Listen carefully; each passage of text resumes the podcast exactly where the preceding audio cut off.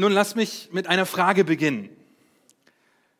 Warum ist es so schwer, sich über das Evangelium zu freuen?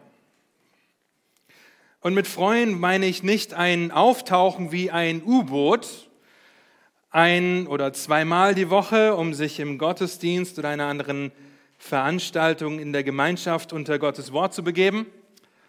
Nein, das meine ich nicht. Ich meine damit, warum ist es so schwer, sich im Alltag allein an den Wahrheiten des Evangeliums zu erfreuen? Und mit Wahrheiten des Evangeliums meine ich die gute Botschaft des ganzen Ratschlusses Gottes, der im Kreuz Christi, in seinem Tod, in seinem Begräbnis, vorher in seinem Leben und in seiner Auferstehung gipfelt. Warum fällt uns das so schwer, uns wirklich darüber zu freuen? Und hier ist eine Beobachtung. Viele Christen leben, vielleicht auch du, ich manchmal bestimmt auch, leben ein Tupperwaren-Christsein. Wozu dient Tupperware? Etwas frisch zu halten, zu verschließen, irgendwo ganz hinten im Kühlschrank zu verstauen, frisch zu halten, um dann ein oder zweimal die Woche zu gucken und dran zu riechen, ob es noch gut ist. Und wenn es so ist, dann kann ich ja doch das essen, wonach mir es gerade ist, was ich gerade lieber möchte. Nun, einige von euch würden sagen, ich freue mich ja an der Wahrheit des Evangeliums, dann stelle ich dir die Frage, spiegelt sich das auch im Leben von Montag bis Samstag wieder? Vielleicht sieht man manches nicht sofort, aber was ist, wenn ich deine Frau frage oder deine Kinder frage? Und dann vielleicht Antworten wie bekommen wie, er ist ständig schlecht gelaunt, er ist abweisend den Kindern gegenüber, er ist überhaupt nicht aufopfernd oder helfend, denkt nur an sich. Und dann öffnet man sein Christsein an der Gemeinde und riecht daran, ob es noch gut ist. Das ist nicht Freude am Evangelium. Und deshalb ist die Frage, die wir uns heute stellen wollen, worin liegt deine Freude?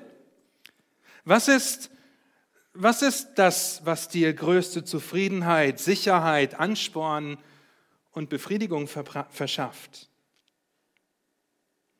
Und mir geht es hier nicht um eine Kinderstundenantwort, wenn ihr jetzt in Gedanken darüber nachdenkt, darauf zu antworten, ihr müsst das nicht laut tun, sondern um ein ehrliches Reflektieren deiner Einstellungen, deiner Gedanken, deiner Wünsche.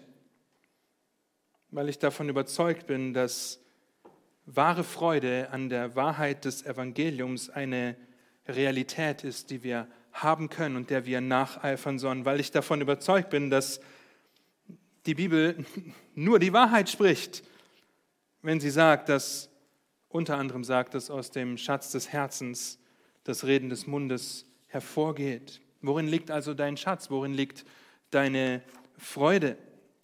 Ich bin auch davon überzeugt, dass Gott jedem von uns einen Verstand gegeben hat, der durch seinen Heiligen Geist in seinen Kindern in der Lage ist, sich bewusst dafür zu entscheiden, über die Wahrheit des Evangeliums nachzudenken und diese Wahrheiten zur Freude seines Lebens zu machen. Die Entscheidungen, die wir treffen, die zeigen auf, was unser Herz bewegt, was unsere Gedanken beschäftigt, zeigen, worin unsere wahre Freude liegt. Und so kommen wir zum Ende des Römerbriefs und werden feststellen, dass sich die Freude von Paulus genau auf diese Wahrheiten des Evangeliums konzentriert, wenn er diesen Brief abschließt. Wie Begeisterung zum Vorschein kommt, wie die Sicherheit im Evangelium zum Tragen kommt, seine Zufriedenheit, sein Ansporn, seine Freude. Das alles kommt in diesen letzten drei Versen wunderbar zum Ausdruck. Und wenn ihr das noch nicht getan habt, dann schlagt eure Bibeln auf. Römer Kapitel 16. Und wir wollen gemeinsam die Verse 25 bis 27 lesen, wo Gottes Wort sagt, dem aber, der euch zu festigen vermag, laut meinem Evangelium und der Verkündigung von Christus, gemäß der Offenbarung des Geheimnisses, das von ewigen Zeiten her verschwiegen war, das jetzt aber offenbar gemacht worden ist und durch prophetische Schriften auf Befehl des ewigen Gottes bei allen Heiden bekannt gemacht worden ist, zum Glaubensgehorsam ihm, dem allein weisen Gott, sei die Ehre durch Jesus Christus in Ewigkeit. Amen. Die Worte von Paulus überschlagen sich förmlich und auf den ersten Blick sieht das aus wie ein sehr verschachtelter, komplizierter Satz, den wir jetzt gemeinsam entwirren wollen und uns darüber freuen wollen, was Paulus hier schreibt. Und im Endeffekt fasst er das hier zusammen in drei Versen, was er 16 Kapitel lang vorher ausgeführt hat. Und es wird deutlich, seine Freude liegt im Evangelium. Das ist seine Überzeugung. Er beendet diesen Brief mit einem entschiedenen Amen, so sei es. Dafür stehe ich ein, dafür entscheide ich mich. Das macht meine Freude aus. Und mit diesen letzten Versen möchte ich dir und auch mir, uns dabei helfen, dass wir unsere Freude an der Wahrheit des Evangeliums haben und darin suchen.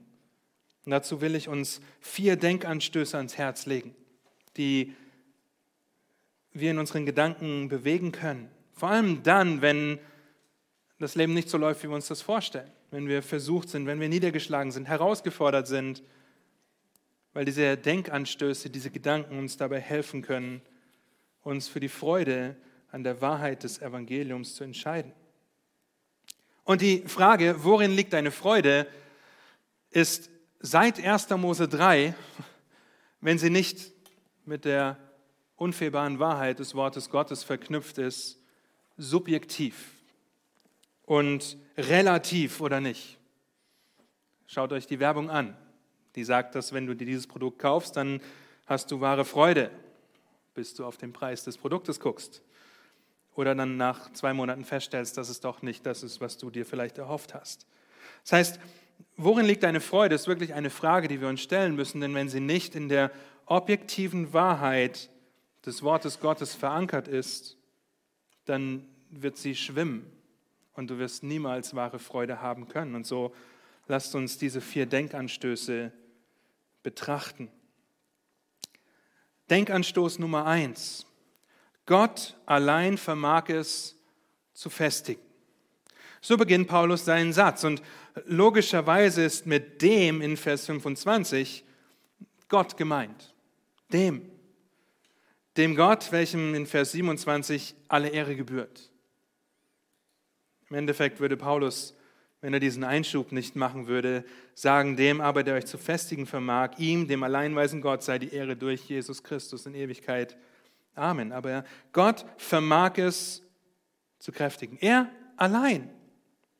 Und das kleine Wort vermag oder zu festigen, er allein vermag das. Und das kleine Wort vermag ist ein sehr wichtiges Wort, denn es führt uns zurück zu den Schlüsselversen aus Römer Kapitel 1, den Schlüsselversen für den ganzen Brief, wo es in Kapitel 1, Vers 16 und 17 heißt, denn ich schäme mich des Evangeliums von Christus nicht, denn es ist Gottes Kraft zur Errettung für jeden, der glaubt, zuerst für den Juden, dann auch für den Griechen. Denn es wird darin geoffenbart, die Gerechtigkeit Gottes aus Glauben zum Glauben, wie geschrieben steht, der Gerechte wird aus Glauben leben. Und diese beiden Verse bilden das Fundament für die gesamte Abhandlung, die dann in Römer 1 beginnt. Aber in Römer Kapitel 1 finden wir dasselbe Wort, 1 Vers 16, finden wir dasselbe Wort wie in Vers 25. Und das ist das Wort Kraft oder Vermag. Es ist Dynamis, Dynamit, eine gewaltige Sprengkraft. Dynamit leiten wir davon ab, den Dynamo kennen wir vielleicht auch noch. So hat Gott allein die gewaltigste aller Kräfte. Nicht nur die Kraft, einen toten, verlorenen Sünder lebendig zu machen, zu erretten, sondern auch die Kraft, diese Errettung auf ewig zu versiegeln, zu bestätigen, festzumachen. MacArthur schreibt in seinem Kommentar zum Römerbrief dazu, Zitat, durch das Evangelium Jesu Christi, wann immer und von wem auch immer es richtig verkündigt wird, wird Gott einen gefallenen, verdorbenen, unsicheren, ungewissen, chaotischen Verstand und eine dem Untergang geweihte Seele nehmen und sie durch die Kraft seines Geistes für immer in seiner Wahrheit festigen. Versteht das? Nur Gott hat diese Kraft für immer zu festigen. Sterizo, das griechische Wort, bedeutet etwas festzumachen, festzugurten, stabil zu machen, zu verankern. Aber worauf bezieht sich jetzt das Festmachen? Wenn er allein es vermag, uns zu festigen, worauf bezieht sich das? Nun, zwei Möglichkeiten, die wir gerne beide in Betracht ziehen wollen, über die wir gerne nachdenken wollen, die wir beide auch gerne in unserem Leben anwenden möchten. Erstens kann sich das Festigen auf das Hier und Jetzt beziehen. Es ist die Festigung in der Herausforderung der Gegenwart. Die Freude an den Wahrheiten des Evangeliums, die einen auf Christus blicken lässt, die wird einen Gläubigen festigen, stabil machen. Aber nicht nur, dass sie festigen wird, das geschieht nicht mal durch unsere eigene Kraft. Wir haben nicht die Kraft festzustehen, sondern ausschließlich durch Gottes Kraft. Gott allein kann seinen Kindern die Kraft geben, inmitten von Anfeindungen, inmitten von Herausforderungen gefestigt zu sein. Wo finden wir das im Römerbrief? In Kapitel 5, wo es heißt, ab Vers 3, aber nicht nur das, das ist der Friede, den wir mit Gott durch Jesus Christus haben in Vers 1 und 2, sondern wir rühmen uns auch in den Bedrängnissen, weil wir wissen, dass die Bedrängnisse standhaftes Ausharren bewirkt. Das standhafte Ausharren aber die Bewährung, die Bewährung aber Hoffnung, die Hoffnung aber lässt nicht zustanden werden, denn, denn die Liebe Gottes ist ausgegossen in unsere Herzen durch den Heiligen Geist, der uns gegeben worden ist. Nur deshalb können wir in Bedrängnis standhalten, weil er die Kraft dazu gibt, weil er, weil der Heilige Geist in unsere Herzen ausgegossen ist. Es ist das Ausharren der Gläubigen. Sie halten stand, weil Gott sie festigt. Und das ist Freude genug, oder? Und das müssen wir häufig in unseren Gedanken bewegen, dass Gott allein die Kraft hat. Das heißt nicht, ich lehne mich zurück und tue gar nichts, aber ich muss darauf vertrauen, dass er der Einzige ist, der mich festigen kann im Hier und Jetzt und der mir alles zur Verfügung stellt, was ich dazu brauche, um gefestigt zu sein und mich an der Wahrheit des Evangeliums zu freuen. Die zweite Möglichkeit, die wir in dem Festigen sagen, ist die, sehen, ist die zukünftige Perspektive. Ein weiterer Gedanke, der eigentlich genauso viel Freude bereitet, ist die Überzeugung der Sicherheit unseres Heils, das in der Kraft Gottes festgemacht ist. Calvin schreibt dazu, hier sehen wir, dass das Evangelium uns die Gewissheit der Gnade bringt, die ewig währt, denn Gott erklärt darin, dass er unser Vater ist, nicht nur gegenwärtig, sondern bis ans Ende. Was für eine Zusage, die ewige Heilssicherheit zu haben. Wo finden wir das im Römerbrief? Nun in Römer Kapitel 8. Nach dieser Kette der Erwählung Gottes, die fest in seiner Hand verankert ist, schreibt Paulus in Vers, Kapitel 8 ab Vers 38, denn ich bin gewiss, dass weder Tod noch Leben, weder Engel noch Fürstentümer noch Gewalten, weder Gegenwärtiges noch Zukünftiges, weder Hohes noch Tiefes, noch irgendein anderes Geschöpf, und das schließt mich selber mit ein, uns zu scheiden vermag von der Liebe Gottes, die in Christus Jesus, unserem Herrn. Gott allein hat die Kraft zu festigen, auf immer festzumachen, ob im Hier und Jetzt oder in der Ewigkeit, spielt dabei keine Rolle. Und beides sollte uns in unserer Freude an der Wahrheit des Evangeliums ermutigen, anspornen, sogar zum Übersprudeln bringen.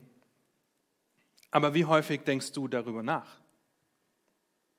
Und kann es sein, dass deine Versuche, all deine Freude aus einem irdischen Sinn des Lebens zu quetschen, nur um dann festzustellen, dass nichts davon uns zufriedenstellt oder festigt, dass all diese Versuche darin begründet sind, dass du über die falschen Dinge nachdenkst. Und schon finden wir uns in Römer 1 wieder, oder? Und sehen, wie der Mensch zwanghaft versucht, die Wahrheit zu unterdrücken und die Schöpfung anstatt dem Schöpfer anzubeten, zu ersetzen, um Freude im Leben zu finden. Worin liegt deine Freude? Und ohne die bewusste Abhängigkeit von Gott in Christus wird es keinen anhaltenden Sinn im Leben geben. Keine wirkliche Bedeutung, keine bleibende Freude, keine ewige Hoffnung. Was am Ende bleibt, ist Sünde, Enttäuschung und Gericht. Und wie traurig, dass wir selbst als Kinder Gottes, als Gläubige das so oft vergessen und meinen, es besser zu wissen als Gott. Und das bringen wir wiederum durch die Entscheidungen zum Vorschein, die wir tagtäglich treffen und bringen dadurch zum Vorschein, dass unsere Freude scheinbar etwas anderes ist als Christus. Worin suchst du sie? Deine Freude. Ich ermutige dich, dein Denkmuster in Angriff zu nehmen. Dich mal hinzusetzen und darüber nachzudenken, worüber du nachdenkst eigentlich die ganze Zeit. Denn das, was du in deinen Gedanken bewegst, das wird zum Vorschein kommen. Ich ermutige dich, dass du dich in den nächsten Wochen häufig an diese Verse oder die Wahrheiten des Evangeliums erinnerst, denn Gott allein vermag es zu festigen. Er allein hat die Kraft dazu. Nichts anderes wird das jemals tun. Der zweite Denkanstoß, den ich uns ans Herz legen möchte, weil er uns dabei hilft, uns an der Wahrheit des Evangeliums zu freuen, lautet, Gott allein offenbart sich. Das ist der zweite Teil dieses Satzes. Und jetzt wendet sich Paulus zweimal einem Dreierpaar zu. Das erste Dreierpaar umfasst drei Umschreibungen des Evangeliums. Das zweite Dreierpaar ist eine Beschreibung der letzten Umschreibung, die Paulus für das Evangelium benutzt. Okay, folgt mir, wir werden das hinbekommen. Konzentrieren wir uns zunächst auf die drei Umschreibungen für das Evangelium. Paulus bezeichnet diese wunderbaren Wahrheiten als mein Evangelium. Und sofort fahren alle Bibelkritiker ihre Krallen aus und sagen, siehst du, Paulus verkündigt sein eigenes Evangelium, er sagt seine eigene Meinung, er verkündigt das, was er selber will. Dabei sagen wir Moment, denn die drei wichtigsten Regeln der Schriftauslegung lauten Kontext, Kontext und Kontext. Paulus kann von seinem Evangelium reden, denn wenn wir zurück an den Anfang schauen, dann lesen wir Paulus, Sklave Jesu Christi, berufener Apostel, ausgesondert für das Evangelium Gottes. Das Evangelium Gottes wurde ihm anvertraut. Nicht nur, dass er damit betraut wurde, um es zu verkündigen, nein, er wurde durch dasselbe auch selbst gerettet auf der Straße nach Damaskus. Und wenn er hier davon reden würde, dass es seine eigenen Worte sind, seine eigene Idee, sein eigenes Evangelium, dann würde er selbst, dann würde er sich selbst widersprechen, was wir zum Beispiel in Galater 1, Vers 6 bis 10 lesen können.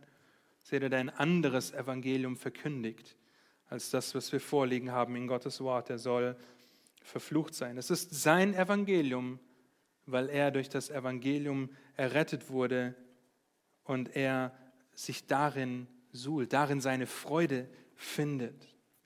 Und der Dreh- und Angelpunkt, das Zentrum und der Kern des Evangeliums ist die Verkündigung einer Person, Christus. Das sehen wir besonders ab Römer 3, Vers 21. Und dann vor allem im zweiten Teil dieser Auslegung des Römerbriefs, die wir, den wir die Freude an der Sicherheit des Evangeliums genannt haben, weil sehr deutlich wurde, dass sich alles um Christus dreht. Wir sind gerechtfertigt durch den Glauben an Christus. Wir sind gerecht gesprochen durch die Erlösung, die in Christus ist. Wir bekommen diese Gerechtigkeit angerechnet oder zugesprochen, wenn wir in Christus sind. Wir haben Frieden mit Gott durch Christus. Wir haben Leben mit Christus als unserem Herrn. Wir sind frei vom Gesetz, dem wir gestorben sind, weil wir in Christus frei gemacht wurden. Wir haben in Christus einen Fürsprecher und in Christus kann uns nichts von der Liebe Gottes trennen. Das könnt ihr durch Römer Kapitel 3 ab Vers 22 bis Kapitel 8, 39 rausfinden und nachlesen.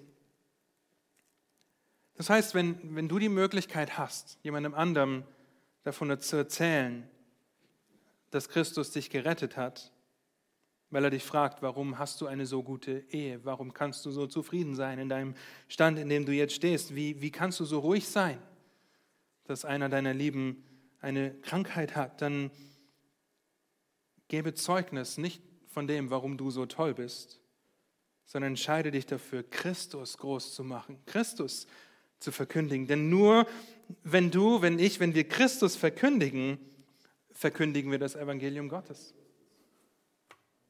Nur dann verkündigen wir das Evangelium Gottes. Und zuletzt sehen wir die, die dritte Umschreibung.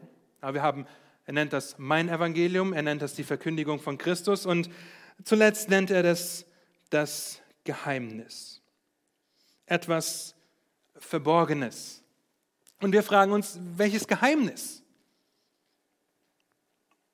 Nun, hier ist das größte Dilemma der Menschheit, die größte Frage, die sich ein Mensch stellen kann. Und hierin liegt das Geheimnis. Wie kann ein gerechter Gott einen gottlosen Sünder gerecht sprechen, ob Jude oder Heide, ist egal. Wie ist das möglich? Und ihr Lieben, wenn wir uns hier in, in drei Gruppen aufteilen würden, weil wir drei Sitzreihen haben, um eine Antwort auf diese Frage zu finden, ohne dass Gott sich geoffenbart hätte, dann würden wir selbst in 10.000 Jahren mit einem leeren Blatt Papier zurückkommen, weil es alles vergeblich würde. Denn es ist unmöglich, ohne das offenbarte Evangelium auf so einen Erlösungsplan zu kommen. Charles Hodges schreibt dazu, Zitat, das Evangelium ist ein Geheimnis. Das heißt, ein System der Wahrheit, das der menschliche Verstand nicht erkennen kann und das Gott für unseren Glauben und Gehorsam offenbart hat. Es wurde von Ewigkeit her im göttlichen Denken geformt. Und so nutzt Paulus einen, einen Großteil deines abschließenden Satzes, um über dieses Geheimnis zu schreiben. Dieses Geheimnis, das ihn zur Freude veranlasst, das Evangelium von Christus, das ihn zur Freude veranlasst, denn es wird offenbar gemacht. Jetzt aber offenbar gemacht. Vers 26. Und das können wir nicht in seiner ganzen, gänzlichen Fülle begreifen. Aber was heißt es in Römer 1? Dort in Vers 2 da lesen wir von dem Evangelium, das zuvor verheißen war durch die Propheten. Ein paar Seiten weiter finden wir die geoffenbarte Antwort auf die Frage, wie ein gerechter Gott einen gottlosen Sünder gerecht sprechen kann, wo es in Römer 3, Vers 21 heißt, jetzt aber ist außerhalb des Gesetzes die Gerechtigkeit Gottes offenbar gemacht worden, die von dem Gesetz und dem Propheten bezeugt wird. Das heißt, das Geheimnis des Evangeliums wurde in Christus gelüftet. Paulus umschreibt dieses Geheimnis mit drei aufeinanderfolgenden Schritten. Eine, eine fortschreitende Offenbarung, wenn ihr das so wollt. Zunächst war dieses Geheimnis verschwiegen. Denn was vor ewigen Zeiten her verschwiegen war. Und das Ermutigende an der Ausdrucksweise von Paulus ist, dass das Evangelium seit Ewigkeit ein fester Bestandteil von Gottes Plan war. Das Evangelium zur Errettung. Kein, hups, hopsala, jetzt haben Adam und Eva gesündigt, da habe ich ja gar nicht mit gerechnet, jetzt muss ich mir schnell was überlegen, wie ich das wieder gerade biegen kann. Nein, von Anfang an, seit Ewigkeit her, war es der Plan Gottes, sein Evangelium offenbar zu machen. Seit 1. Mose 3 mit dem Sündenfall kommt unweigerlich die Frage auf, wie kann Gott jetzt retten? Wie können wir jemals wieder gerecht vor Gott stehen? Nun wisst ihr, bei wem die Frage nie aufkam? Bei Gott selbst. Denn von Ewigkeit her ist das Evangelium von Jesus Christus in seinen Gedanken verborgen gewesen. Keine menschliche Philosophie hätte sich das ausdenken können. Kein noch so guter Detektiv hätte das irgendwie erforschen können. Das Evangelium war verschwiegen, ein Geheimnis, aber es war nicht, nicht da. Es war von Ewigkeit her schon gefasst, der Plan der Erlösung. Und darüber nachzudenken, das sollte uns vor Freude übersprudeln lassen, weil es unfassbar ist. Und sich dann dafür zu entscheiden, dieser Wahrheit zu vertrauen, das sollte uns noch mehr in Freude übersprudeln lassen. Und dann macht Gott allein es offenbar. Das erste Mal direkt nach dem Sündenfall, in 1. Mose 3, Vers 15, wird schon deutlich, dass Gott einen Plan hat. Bis Maleachi zieht sich die Ankündigung und das Warten auf den Retterkönig durch. Und Alistair Beck, ein, ein Prediger, sagt dazu, wir finden Christus in der ganzen Schrift. Im Alten Testament wird er vorausgesagt, in den Evangelium wird er offenbart, in der Apostelgeschichte wird er gepredigt, in den Briefen wird er erklärt und in der Offenbarung wird er erwartet. Nun, die Propheten haben das schon geoffenbart. Wir erinnern uns an Jesaja, an die ganzen Knechtslieder dort. Aber erst mit, dem, mit der Menschwerdung Jesu, mit der Menschwerdung der zweiten Person der Dreieinigkeit, die in Ewigkeit her existiert hat, mit dem wahren Gott, der Mensch wurde, dem sündlosen Leben, dem stellvertretenden Kreuz seiner Auferstehung, wird dieses Geheimnis komplett gelüftet. Warum gelüftet? Was sagt der Text?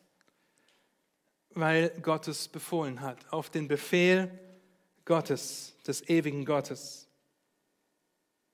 Vergesst nicht, dass Gott derjenige ist, der sein Wort inspiriert, dass das Buch, was wir in der Hand halten, das Buch des Heiligen Geistes ist und nicht das Buch von Paulus oder Petrus, sondern dass Paulus und Petrus gebraucht wurden vom Heiligen Geist und all die anderen ein Schreiber auch. Keiner von uns würde auf so einen Erlösungsplan kommen. Warum? Weil wir in Römer Kapitel 3 lesen, dass keiner nach Gott fragt. Keiner da ist, der Gutes tut. Und in Römer 1 noch lesen, dass jeder nur an sich denkt. Und das bringt uns zur dritten Beschreibung. Denn nicht nur war es verschwiegen, dieses Geheimnis, und offenbar gemacht worden. Nein, das, das, das reicht noch nicht. Es muss bekannt gemacht werden. Es muss verkündigt werden. Und hier haben wir die Antwort auf die Frage, wie der gerechte Gott einen gottlosen Sünder gerecht sprechen kann. Römer 3, noch einmal ab Vers 21. Jetzt aber ist außerhalb des Gesetzes die Gerechtigkeit Gottes offenbar gemacht worden, die von dem Gesetz und den Propheten bezeugt wird, nämlich die Gerechtigkeit Gottes durch den Glauben an Jesus Christus, die zu allen und auf alle kommt, die glauben. Denn es ist kein Unterschied, denn alle haben gesündigt und verfehlen die Herrlichkeit, die sie vor Gott haben sollten, sodass sie ohne Verdienst gerechtfertigt werden durch seine Gnade aufgrund der Erlösung, die in Christus Jesus ist. Ihn hat Gott zum Sühnopfer bestimmt, das wirksam wird durch den Glauben an sein Blut, um seine Gerechtigkeit zu erweisen, weil er die Sünden ungestraft ließ, die zuvor geschehen waren, als Gott Zurückhaltung übte, um seine Gerechtigkeit in der jetzigen Zeit zu erweisen, damit er selbst gerecht sei und zugleich den rechtfertige, der aus dem Glauben an Jesus ist. Wo bleibt nun das Rühmen? Es ist ausgeschlossen. Durch welches Gesetz? Das der Werke? Nein, sondern durch das Gesetz des Glaubens. So kommen wir nun zu dem Schluss, dass der Mensch durch den Glauben gerechtfertigt wird, ohne Werke des Gesetzes. Das sind wunderbare Worte, dass meine Errettung nicht von mir abhängt. Das wäre katastrophal. Christus ist der Kern des Evangeliums. Er ist die Antwort auf die Frage. Nun und wie geht das jetzt? Nur durch den Glauben an Christus. Wir können an unserem von Gott getrennten, geistlich toten Leib nicht mal einen Finger bewegen. Wie will das ein Toter tun, wenn es um die Errettung geht? Nein, Gott musste Mensch werden, um das zu ermöglichen. Und er musste Gott bleiben, um das zu ermöglichen. Denn Gott stirbt für Gott, stellvertretend für uns und zahlt dabei den Preis der Erlösung. Das Geheimnis ist in Christus gelüftet und wir sollen es verkündigen, es bekannt machen in aller Welt. Keiner von uns wäre auf die Idee gekommen, so einen Plan zu entwickeln. Das Beste, mit dem wir aufwarten können, sind unzählige Religionen und Regeln, die sich Menschen seit jeher auferlegen, um irgendwie gut vor Gott dazustehen. Das Beste, mit dem wir in Gemeinden aufwarten können, ist Gesetzlichkeit, wenn wir nicht in Christus leben und wandeln. Woran erkenne ich Gesetzlichkeit in meinem Leben? Nun, was wäre, wenn Christus kein Teil der Gleichung wäre? Wäre dann irgendwas anders oder nicht? Und wenn nichts anders wäre, dann ist das ein gutes Zeichen dafür, dass du wahrscheinlich der Gesetzlichkeit aufgesessen bist. Du denkst vielleicht, Gott rettet mich aus Gnade, aber ich muss es ihm aus eigener Kraft beweisen vielleicht durch Dienst in der Gemeinde, vielleicht durch das Anhäufen von irdischen Sicherheiten, weil du denkst, Gott und finanzielle Sicherheit, Gott und aufopfernder Dienst, aufopfernder Dienst, Gott und, Gott und, Gott und. Nun, wenn das bei dir der Fall ist und du deine Gedanken zusätzlich, und das passiert häufig, das passiert mir, das passiert uns, wenn wir unsere Gedanken zusätzlich noch an Umstände, Dinge oder Personen hängen, dann können wir nicht mehr froh sein, wenn es uns genommen wird oder wenn wir es nicht bekommen. Das heißt, wir müssen häufig über das geoffenbarte Geheimnis Gottes, das Evangelium, nachdenken, das auch uns verkündigt wurde und daran festhalten. Das wird uns in den Zeiten unterstützen, in denen wir versucht sind, unsere Freude in anderen Dingen als dem Evangelium zu finden. Und es wird uns dabei helfen, es auch zu verkündigen in herausfordernden Zeiten. Das, was wir in unserem Inneren bewegen, offenbart sich durch Entscheidungen, durch Worte, die wir reden. Die Entscheidungen und Worte sind gewissermaßen ein Spiel unseres Herzens. Und wenn Paulus diesen Brief so abschließt, dann ist das auch ein Ausdruck seiner Freude über das Evangelium und zeigen seine Überzeugung, seine Wünsche, seine Gedanken, auch sein, seine wahre Freude. Der dritte Denkanstoß ist der häufige Gedanke, hoffentlich der häufige Gedanke, dass Gott allein rettet. Das Evangelium ist bei allen Heiden bekannt gemacht worden. Wozu? Zum Glaubensgehorsam. Bekannt gemacht worden zum Glaubensgehorsam. Ein Ausspruch, der fast zu gut ist, um wahr zu sein. Wir sind zum Glaubensgehorsam befreit. Ohne äh, Gottes Rettung, ohne dass er uns diesen Glaubensgehorsam gibt, wären du und ich absolut fertig. Absolut hoffnungslos verloren. Ohne Gottes angerechnete Gerechtigkeit gäbe es keine Rechtfertigung. Ohne Rechtfertigung aus Glauben gäbe es kein Evangelium. Allein Gott rettet. Und es gibt immer nur, immer, immer nur eine von zwei Reihen, in denen ein Mensch stehen kann. Es gibt immer nur eine von zwei Arten des Gehorsams. Römer 5, Vers 12 bis 21 gibt uns einen kleinen Einblick und fordert uns auf, darüber nachzudenken, bin ich in Christus oder bin ich in Adam? Das sind die einzigen zwei Möglichkeiten. Stellvertretend für diesen Abschnitt lese ich Vers 18. Da heißt es also, wenn nun durch die Übertretung des einen die Verurteilung für alle Menschen kam, so kommt durch die Gerechtigkeit des einen für alle Menschen die Rechtfertigung, die Leben gibt. Das sind die zwei Reaktionen auf das verkündigte Evangelium. Entweder zu glauben und Christus gehorsam zu werden, Glaubensgehorsam, dazu befreit zu werden oder es abzulehnen und in Adam zu bleiben, in dem die Verurteilung ist.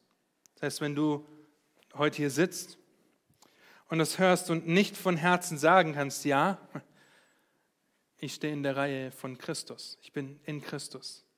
Ich bin ihm verpflichtet zum Glaubensgehorsam, befreit. Er hat mich rausgekauft aus der Sklaverei der Sünde und ich bin sein.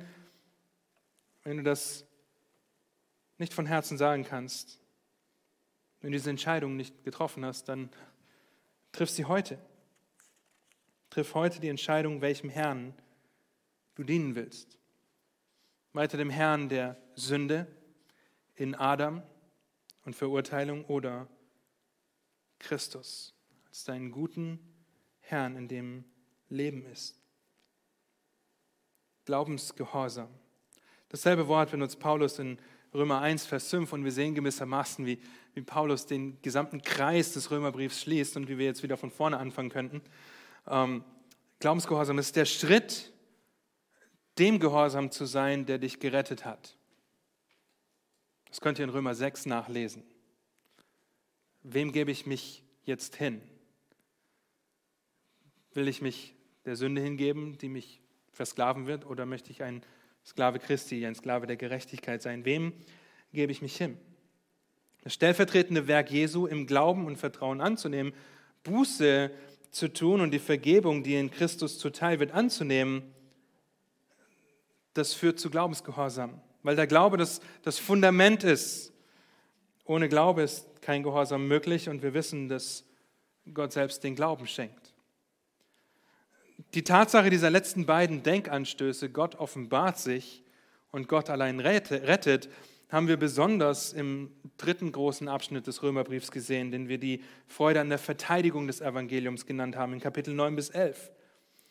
Denn dort sehen wir, dass, dass jeder, der glaubt, auch gerettet wird, ob Jude oder Heide. Mein Volk, das nicht mein Volk ist, Geliebte, die nicht meine Geliebte waren. Und dann sagt er in Römer Kapitel 7, äh, Kapitel 10, Entschuldigung, in Kapitel 10 ab Vers 9, denn wenn du mit deinem Mund Jesus als den Herrn bekennst und in deinem Herzen glaubst, dass Gott ihn aus den Toten auferweckt hat, so wirst du gerettet. Denn mit dem Herzen glaubt man, um gerecht zu werden, und mit dem Mund bekennt man, um gerettet zu werden. Denn die Schrift spricht, jeder, der an ihn glaubt, wird nicht zuschanden werden. Es ist ja kein Unterschied zwischen Juden und Griechen. Alle haben denselben Herrn, der reich ist für alle, die ihn anrufen. Denn jeder, der den Namen des Herrn anruft, wird gerettet werden. Wie sollen sie aber an den anrufen, an den, den sie nicht geglaubt haben? Wie sollen sie aber an den glauben, von dem sie nichts gehört haben? Wie soll, sollen sie aber hören ohne einen Verkündiger? Wie sollen sie aber verkündigen, wenn sie nicht ausgesandt werden? Wie geschrieben steht, wie lieblich sind die Füße derer, die Frieden verkündigen, die Gutes verkündigen. Aber nicht alle haben dem Evangelium gehorcht. Denn Jesaja spricht, Herr, wer hat unserer Verkündigung geglaubt? Demnach kommt der Glaube aus der Verkündigung, die Verkündigung aber durch das Wort Gottes. Und wenn deine Freude im Evangelium liegt, dann möchtest du das anderen verkündigen, weil es dich zum Glaubensgehorsam befreit hat. Und wenn du das noch nicht glaubst, noch nicht vertraust, noch nicht dein Leben dem Herrn anvertraut hast, dann wirst du niemals in der Lage sein, bleibende Freude zu finden.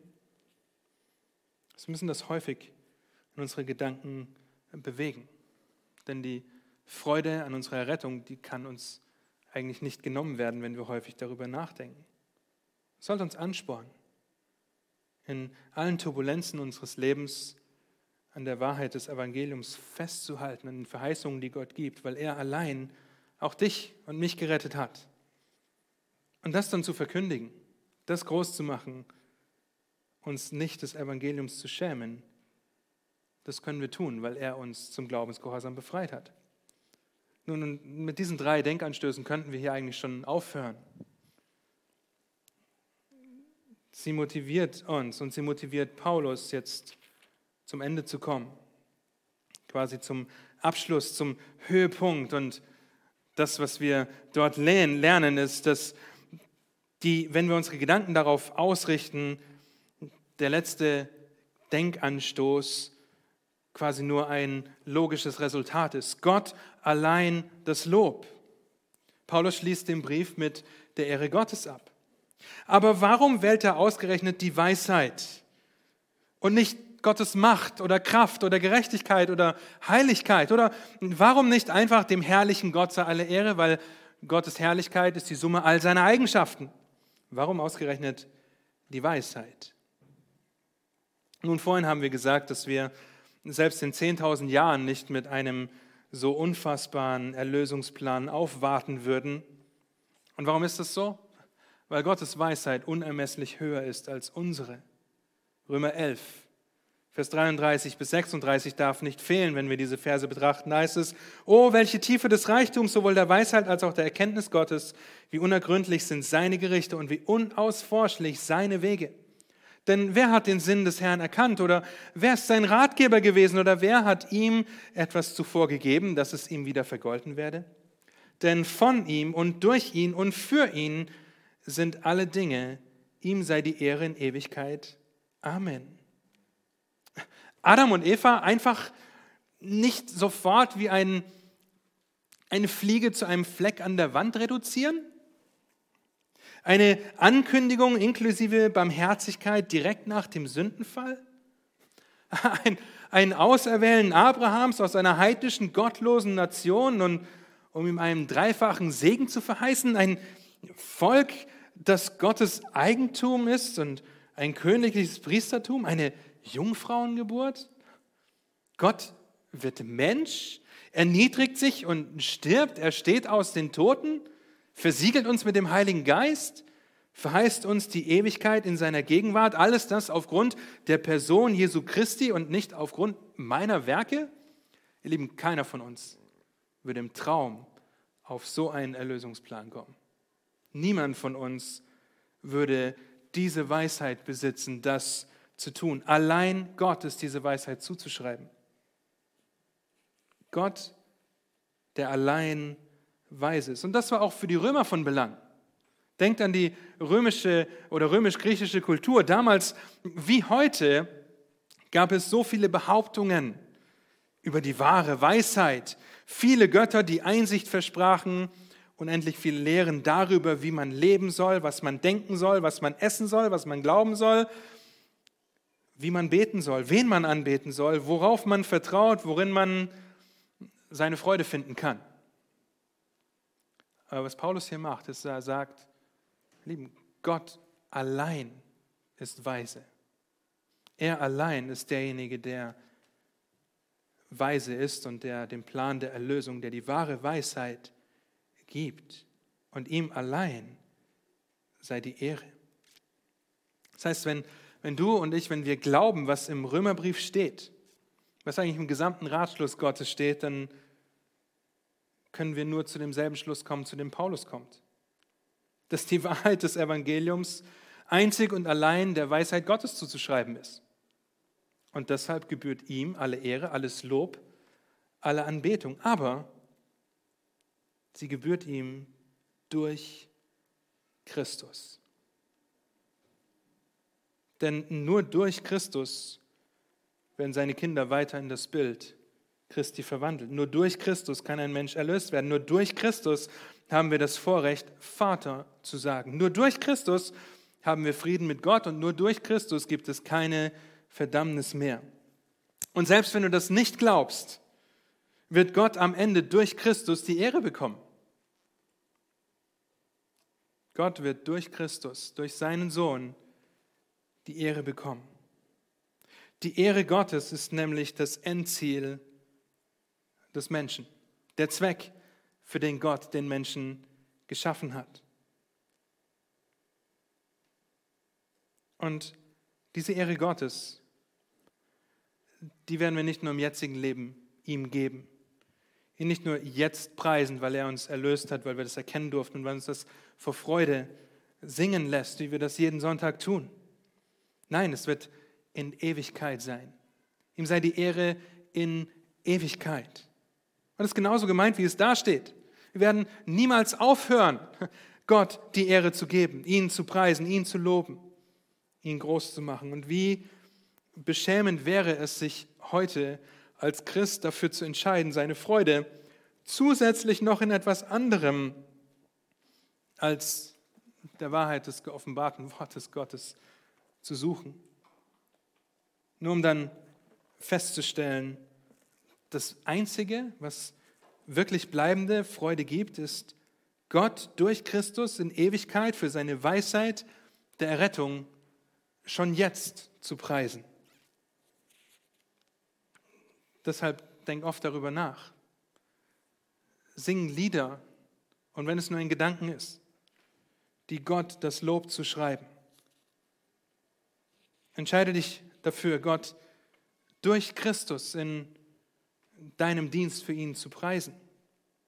Ob in der Kindererziehung, ob am Arbeitsplatz, ob durch Gespräche mit deiner ungläubigen Familie oder Nachbarschaft.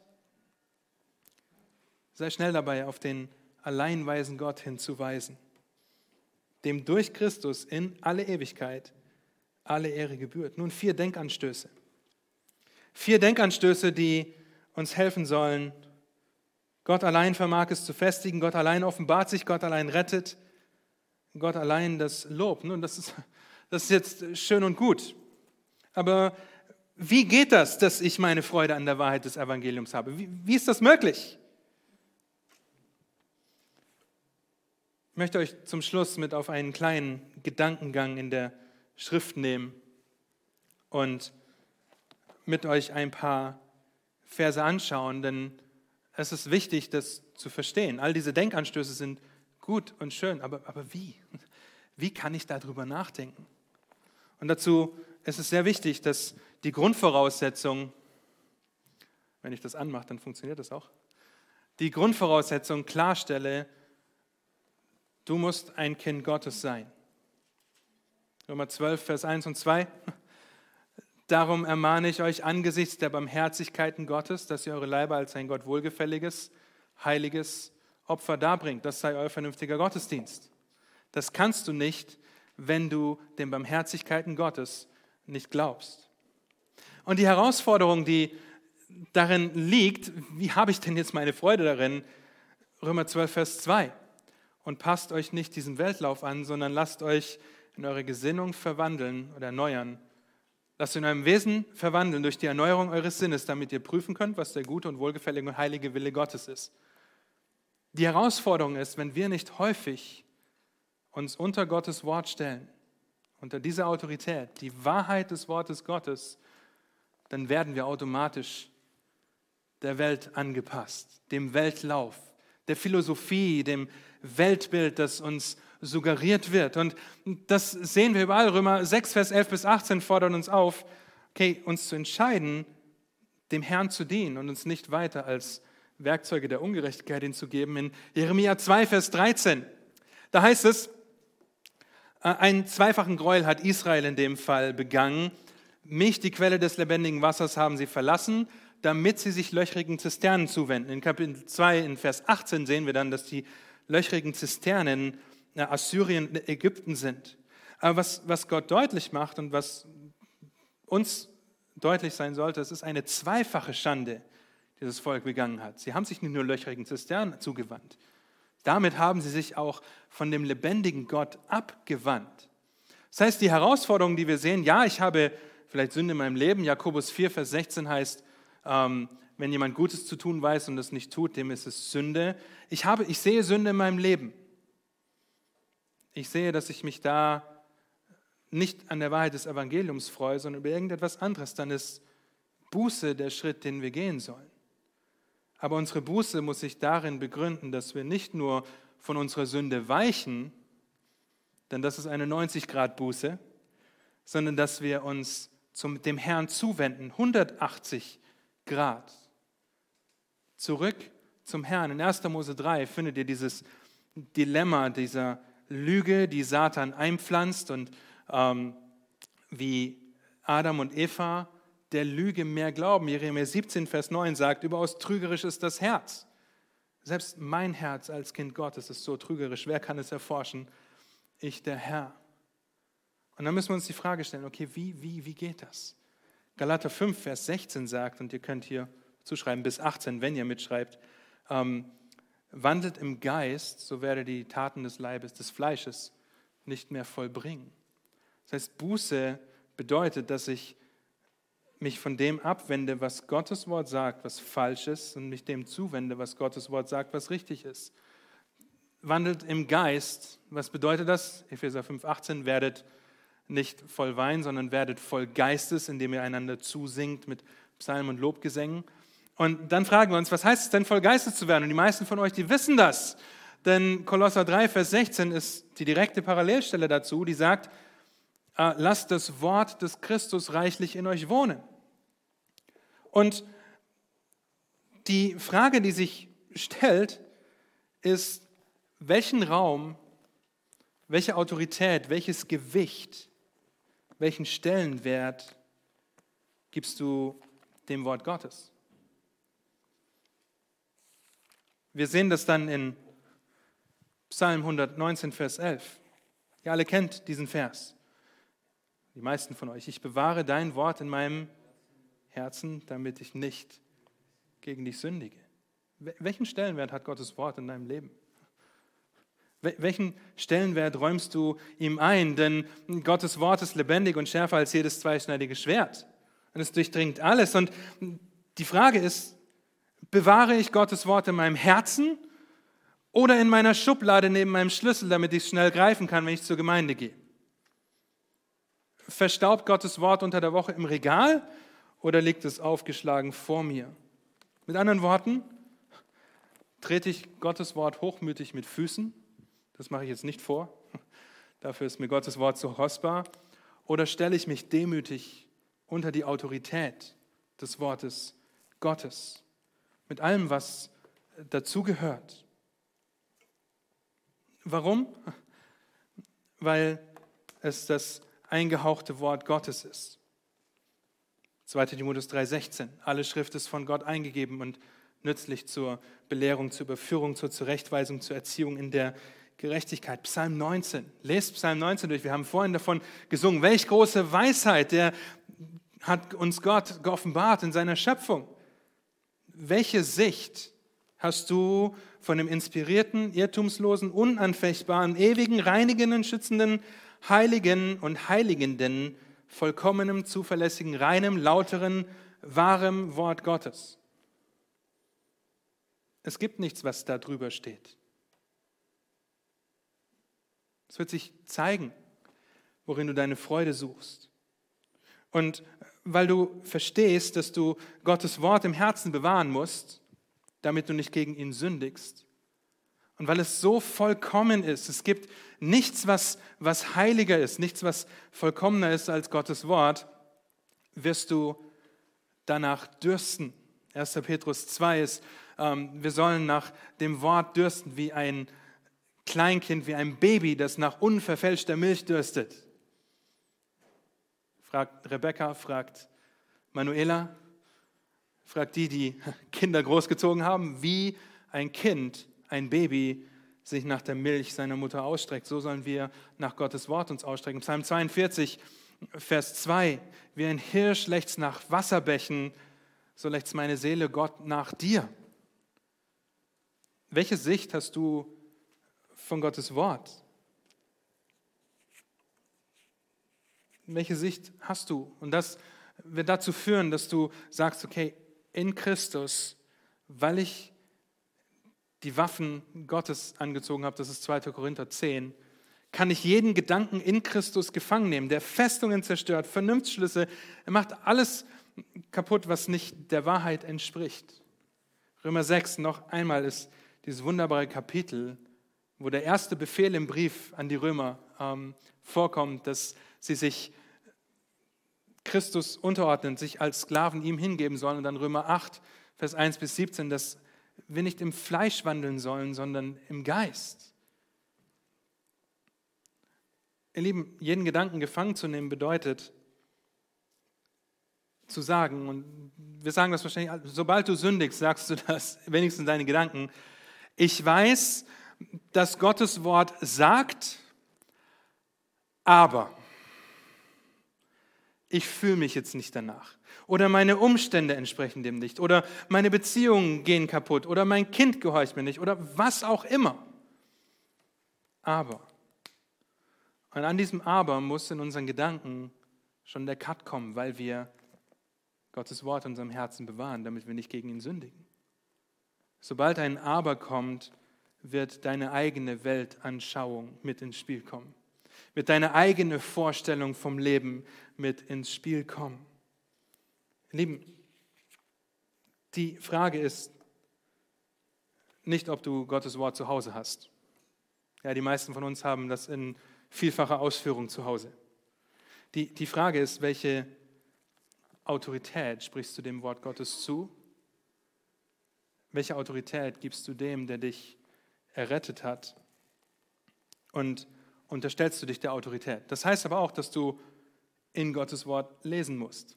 Anders kannst du den Willen Gottes nicht erforschen.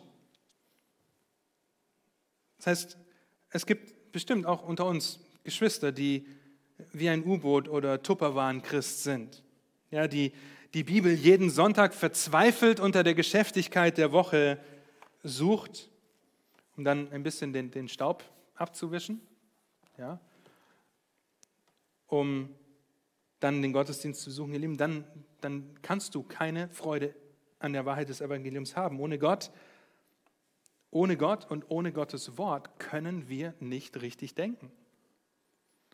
Und dieses Denken zeigt sich dann darin, dass wir verstehen, dass Gott uns alles gegeben hat, was zu einem Gott wohlgefälligen Leben nützlich ist, weil es in 2 Timotheus 3, Vers 17 heißt, 16 ist Gottes Wortes, ähm, das Wort Gottes ist, nein, warte, jetzt bin ich durcheinander. Ja, aber Vers 17 ist, damit der Mensch Gottes vollkommen für jedes gute Werk zugerüstet ist. Jetzt mit eigenen Worten gesagt. Ja, ich weiß, dass das nicht 100% eins zu eins das war, aber die Worte kommen in dem Vers vor, damit der Mensch Gottes zugerüstet ist zu jedem vollkommenen Werk, so heißt es, glaube ich. Ja, erst wenn die Autorität des Wortes Gottes nicht nur in deinen Worten, sondern auch in deinem Leben zu finden ist, weil du dich unter seine mächtige Hand demütigst, wird das dein Denken verändern und führt dann letztendlich zu Römer 12 zurück. Und ich weiß, dass das eine minimale Auswahl an Versen ist, die davon sprechen. Erst dann wird sich deine Gesinnung erneuern und erst dann wirst du deine Freude an der Wahrheit des Evangeliums haben und darin wachsen, selbst in den widrigsten Umständen. Erst dann wirst du zum Beispiel von der Arbeit nach Hause kommen, um deine Ärmel hochzukrempeln und deiner Familie zu dienen, anstatt wütend darüber zu werden, dass es kein Fleisch gibt oder dass du nicht deine Ruhe haben kannst oder dass du dir das den Abend aber anders vorgestellt hast, als er jetzt läuft.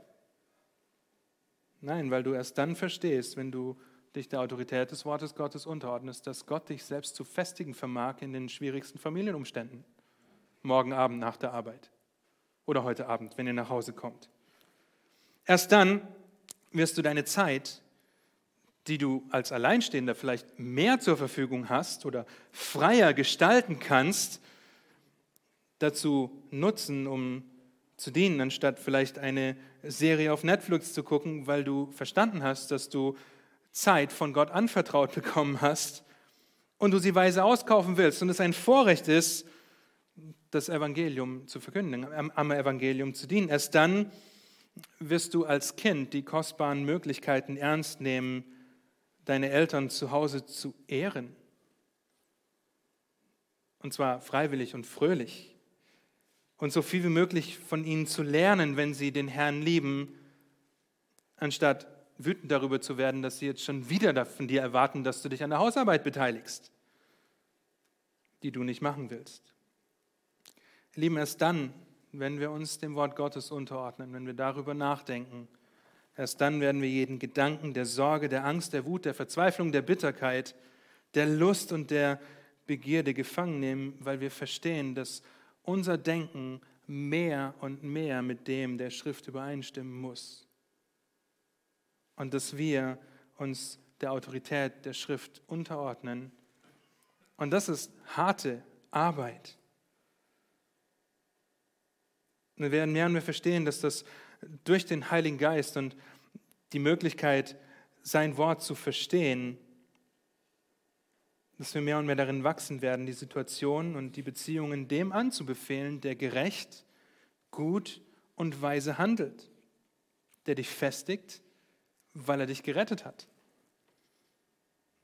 Ohne Gottes Wort wird die jegliche Grundlage fehlen, Freude an Gottes Wort zu haben, an Gott selbst zu haben.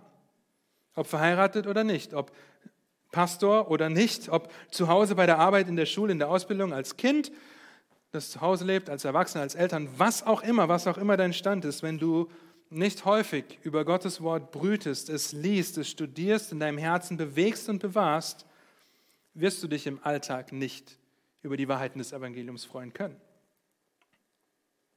Nun ist es verkehrt, über finanzielle Sicherheit, über Freundschaften oder Gesundheiten, über angenehme Umstände Freude zu haben und sich darüber zu freuen? Nein. Wir dürfen das genießen und mit Dankbarkeit aus der Hand Gottes nehmen.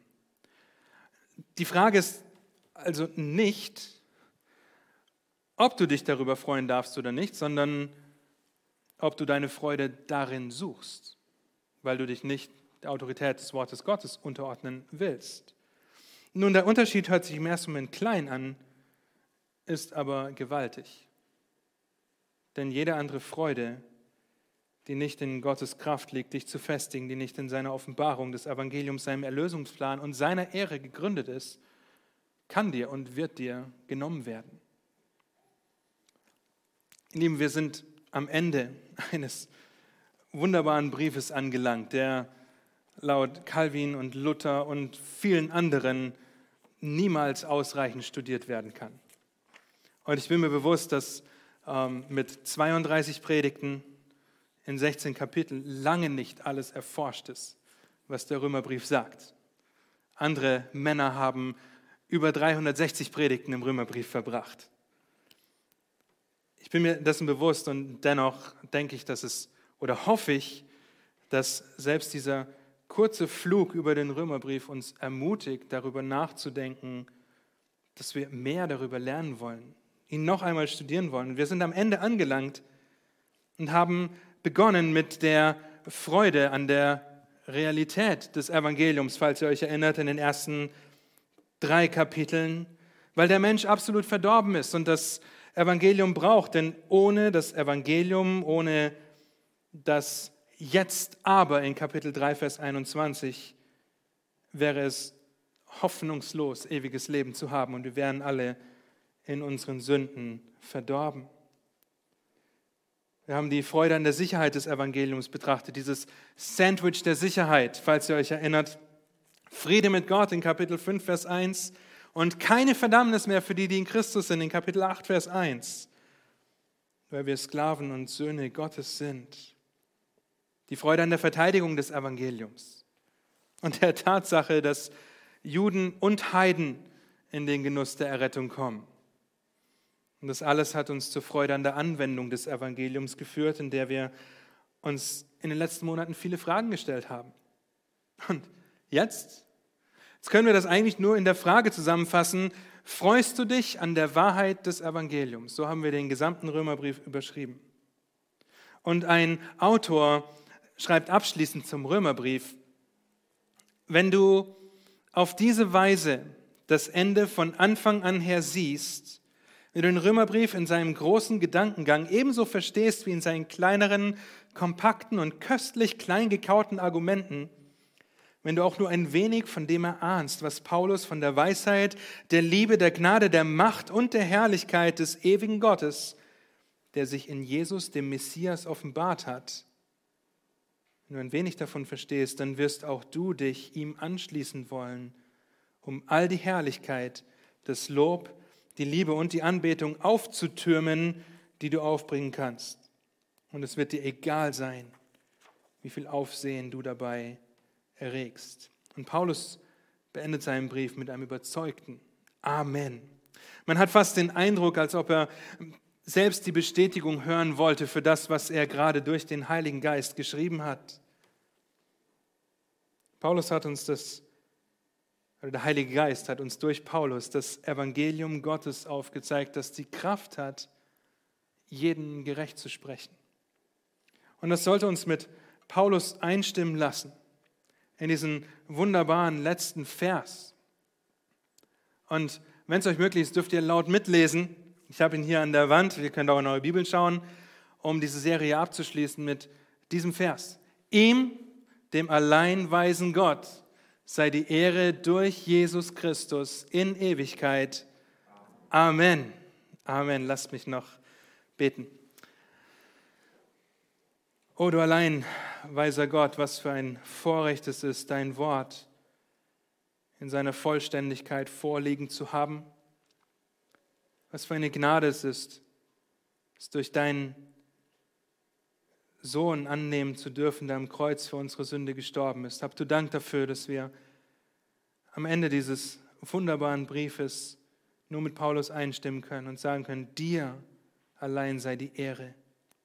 Zwar nicht nur heute, nicht morgen oder nächste Woche, sondern in Ewigkeit, weil du uns durch deinen Sohn erlöst und befreit hast. Hilf du uns, dass wir uns an der Wahrheit des Evangeliums freuen, dass wir uns dazu bereitwillig und fröhlich unter die Autorität deines Wortes stellen und dass das einen Einfluss hat auf unser Denken und dadurch auch auf die Entscheidungen, die wir treffen, damit du durch unser Leben geehrt wirst, Herr. Amen.